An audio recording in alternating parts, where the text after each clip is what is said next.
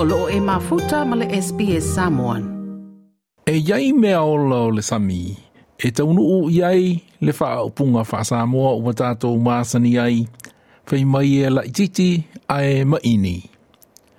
O nisi o nei mea ola, e matua la iti lava e whai ngatā o na wa aia pe i loa e mata, a e wha ato a i loa, ina ua le mawhai o na tatali le tī ngā, maisi a unga e a fua mai ai e pei o le whaaswati ma le matapongia pe atui ai. O Blue Bottles, e iei le fee e whaingoina o le Blue Ringed Octopus. Ma le alu alu po le jellyfish, po o se wila sami, Wali patia la lawe vea i o tangata i matawhanga e amata moi lawa i mātu i Cairns, e o o isini ma Perth. E iei, ia le alu alu po le wila sami po le jellyfish e whaingo ina o le iru gandhi. Ma e whaatusa i se atingi lima o se tangata lona te le. Na whaalia e Professor Jamie Seymour e lava lona si la fia i mata upu i mea ola o le sami po o se marine biologist. Ua ova i le whaase fulu ona tuwi ai o ia i le wila sami le nei o le iru gandhi ma ana ia whaamatalaina le ma isi e mafua mai ai. There's a time lapse, usually around about 20 to 30 minutes, and then you go from going, yeah, yeah, yeah, I feel all right, to nausea, vomiting, intense racking pain throughout your body, and this feeling of impending doom that comes over the top of it, like something's going to go seriously wrong. And the pain sort of ramps up. You get it under control, and it just goes up another level. and then you get that under control and think, oh, it can't get much worse, and then it goes up yet another level. Ole wila samile nei, e le ngata ina la ititi, a e whaingata ona va eia e mata, pe whaingata ona i loa, ona e le eis ona lanu, e translucent, e tafeta fea i le samie pei o se tioata. E to alua sa lau mo ona tupu tangata e tuia i le irugandi i tau sangata i e tasi, O le tō tele lava, i vāenga i mātū o le te tete o Queensland. O tangata e tuia i le wila sami po le jellyfish le nei, e a awhia i le tū ainga mai, e whaingoina o le Irugandi syndrome. O le whalongoina lea o le matua te tele o le tīngā. So so o ai, ma le niniva, so so o ai maisi a unga e pei o le matapungia.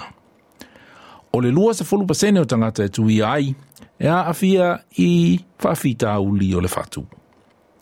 E to alua tangata u whaamao ni ai, pe u whaamao ni le maalili wai i au se nei.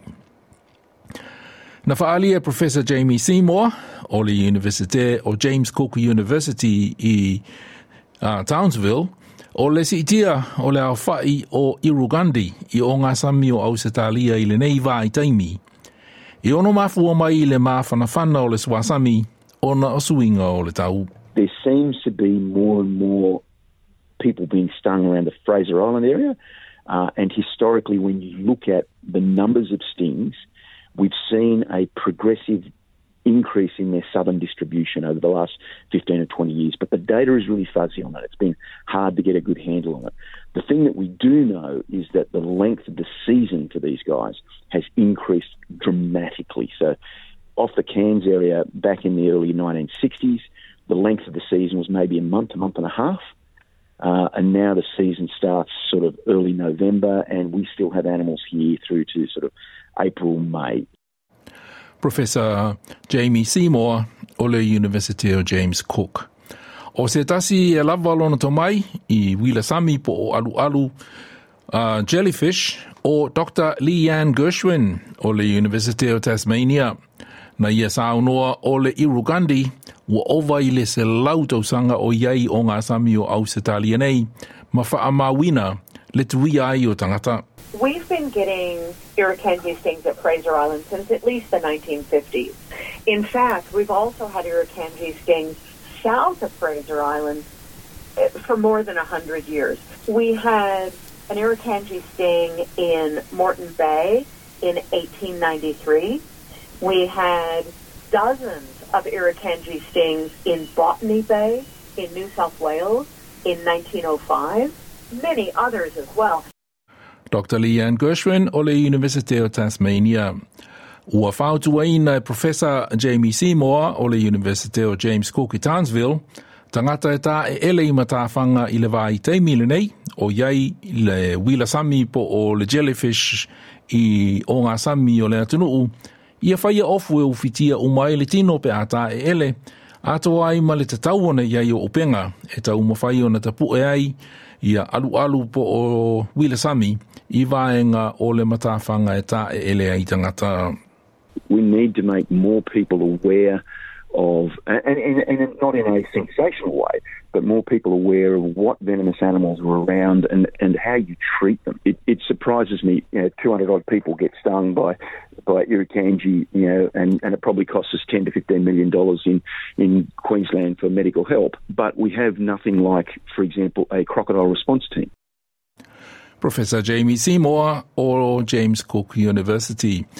Ma e momoni atu le whaafetai i le sunga i a lei tu fia fatu la fuai mo le whaasā mua ina o le jellyfish i le Wilasami fatu a uh, lei tu fia fatu la fuai o le Marine School o le Universite awa o Samoa i api au. Toi fia whaafafonga i nisi tala whaapea? Toi fia whaafafonga i nisi tala whaapea? faafofoga i le apple podcast le google podcast spotify ma po o fea lava e mauailau podcast